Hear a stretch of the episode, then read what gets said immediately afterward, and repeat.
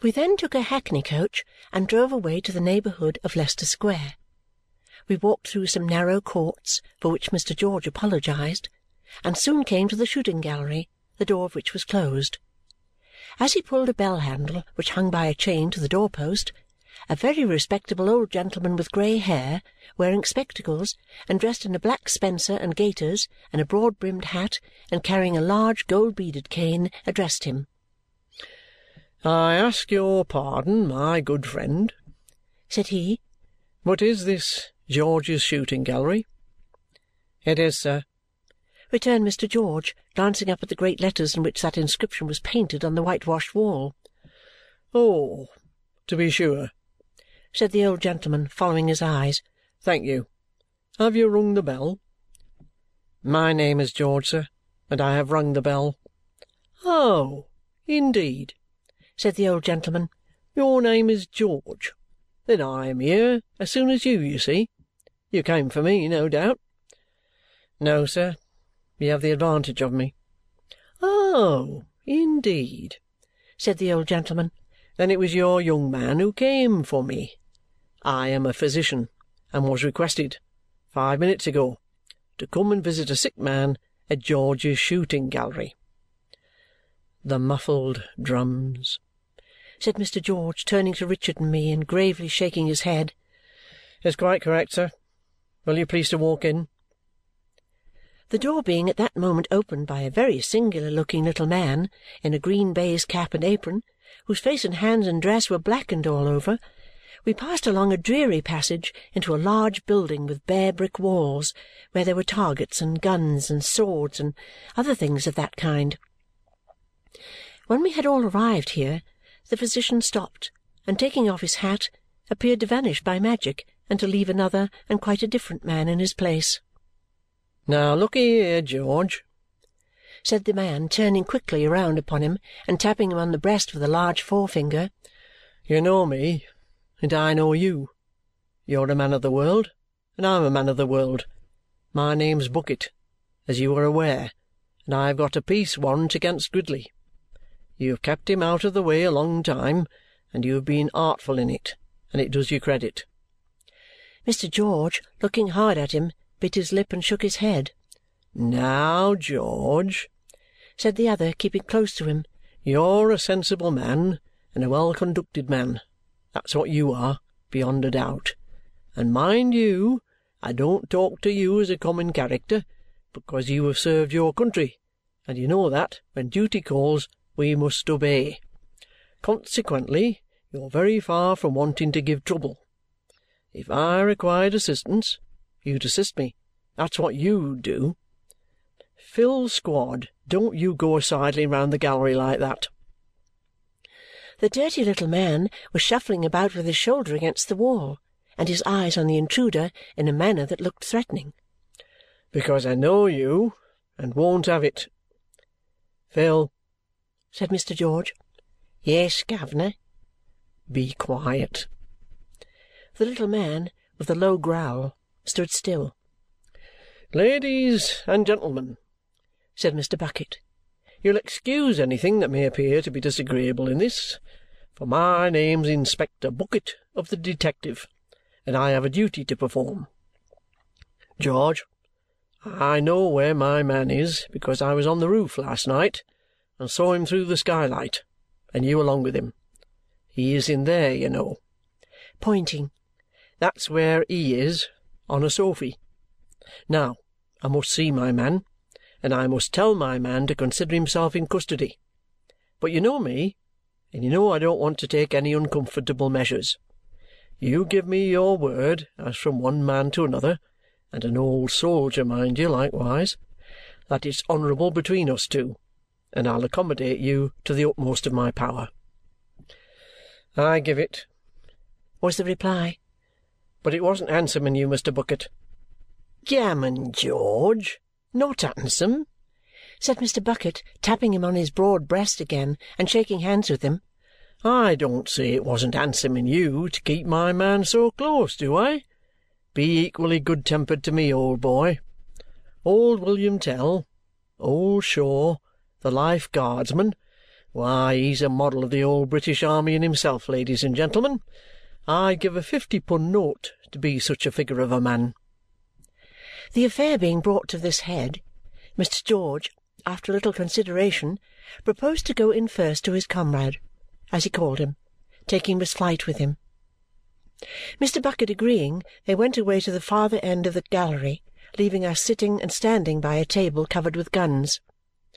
Mr. Bucket took this opportunity of entering into a little light conversation, asking me if I were afraid of firearms, as most young ladies were, asking Richard if he were a good shot, asking Phil Squod which he considered the best of those rifles and what it might be worth first hand, telling him in return that it was a pity he ever gave way to his temper, for he was naturally so amiable that he might have been a young woman and making himself generally agreeable.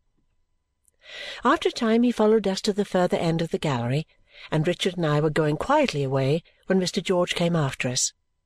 He said that if we had no objection to see his comrade, he would take a visit from us very kindly. The words had hardly passed his lips when the bell was rung and my guardian appeared. On the chance, he slightly observed, of being able to do any little thing for a poor fellow involved in the same misfortune as himself. We all four went back together and went into the place where Gridley was. It was a bare room, partitioned off from the gallery with unpainted wood. As the screening was not more than eight or ten feet high and only enclosed the sides, not the top, the rafters of the high gallery roof were overhead, and the skylight through which Mr. Bucket had looked down. The sun was low, near setting, and its light came redly in above without descending to the ground. Upon a plain canvas-covered sofa lay the man from Shropshire, dressed much as we had seen him last, but so changed that at first I recognized no likeness in his colourless face to what I recollected. He had been still writing in his hiding-place and still dwelling on his grievances, hour after hour. A table and some shelves were covered with manuscript papers and with worn pens and a medley of such tokens. Touchingly and awfully drawn together, he and the little mad woman were side by side and, as it were, alone. She sat on a chair holding his hand, and none of us went close to them. His voice had faded, with the old expression of his face, with his strength, with his anger, with his resistance to the wrongs that had at last subdued him. The faintest shadow of an object full of form and colour is such a picture of it as he was of the man from Shropshire whom we had spoken with before. He inclined his head to Richard and me and spoke to my guardian. "Mr. Jarndyce, it is very kind of you to come to see me. I am not long to be seen, I think. I am very glad to take your hand, sir. You are a good man, superior to injustice, and God knows I honour you. They shook hands earnestly, and my guardian said some words of comfort to him. "It may seem strange to you, sir," returned Gridley. "I should not have liked see you if this had been the first time of our meeting. But you know I made a fight for it. You know I stood up with my single hand against them all. You know I told them the truth to the last, and told them what they were and what they had done to me. So I don't mind your seeing me this wreck. You have been courageous with them many and many a time, returned my guardian. Sir, I have been, with a faint smile. I told you what would come of it when I ceased to be so. And see here. Look at us. Look at us. He drew the hand Miss Flite held through her arm and brought her something nearer to him. This ends it.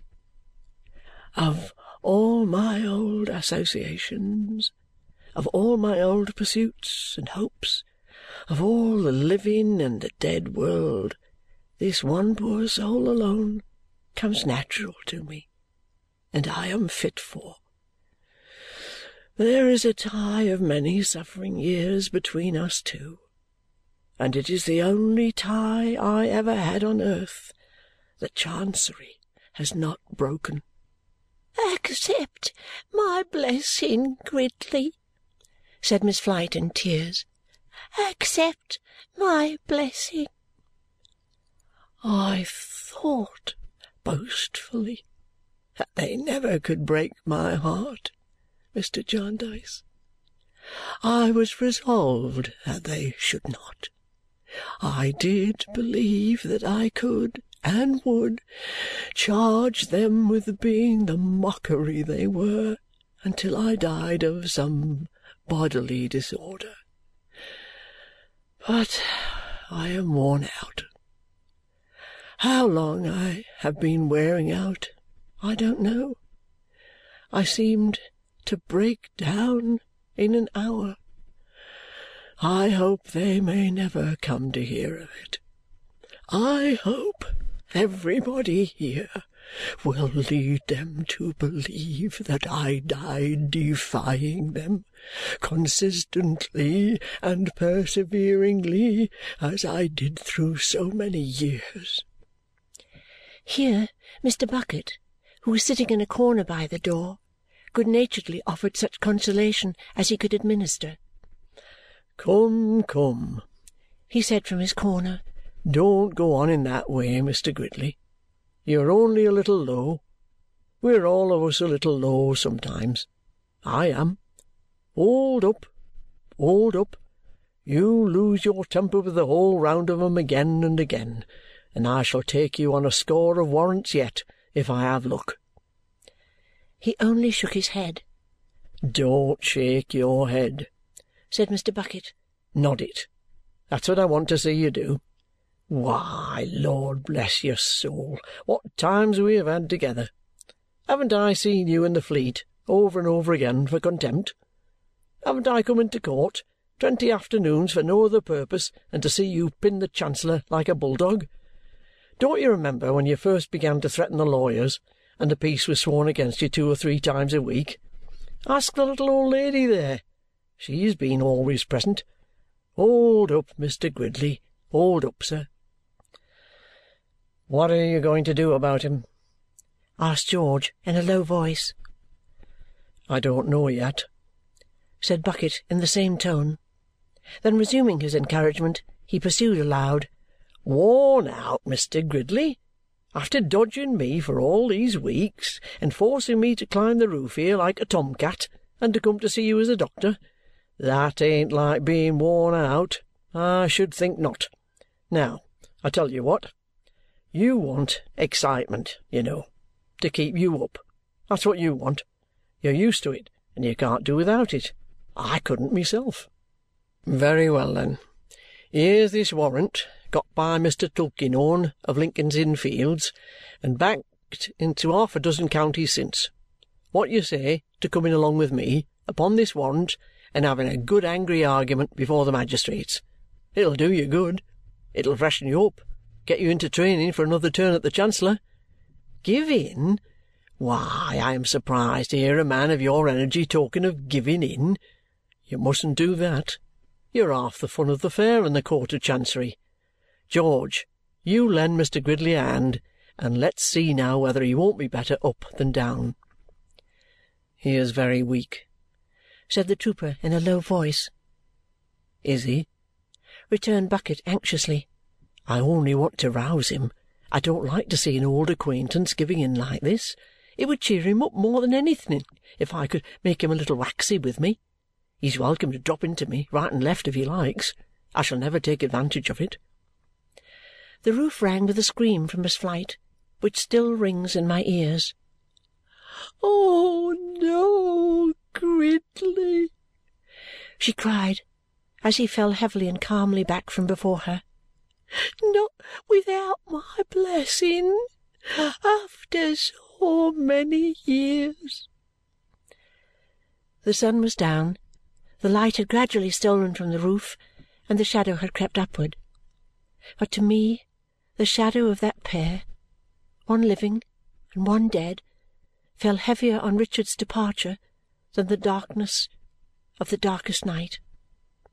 And through Richard's farewell words I heard it echoed.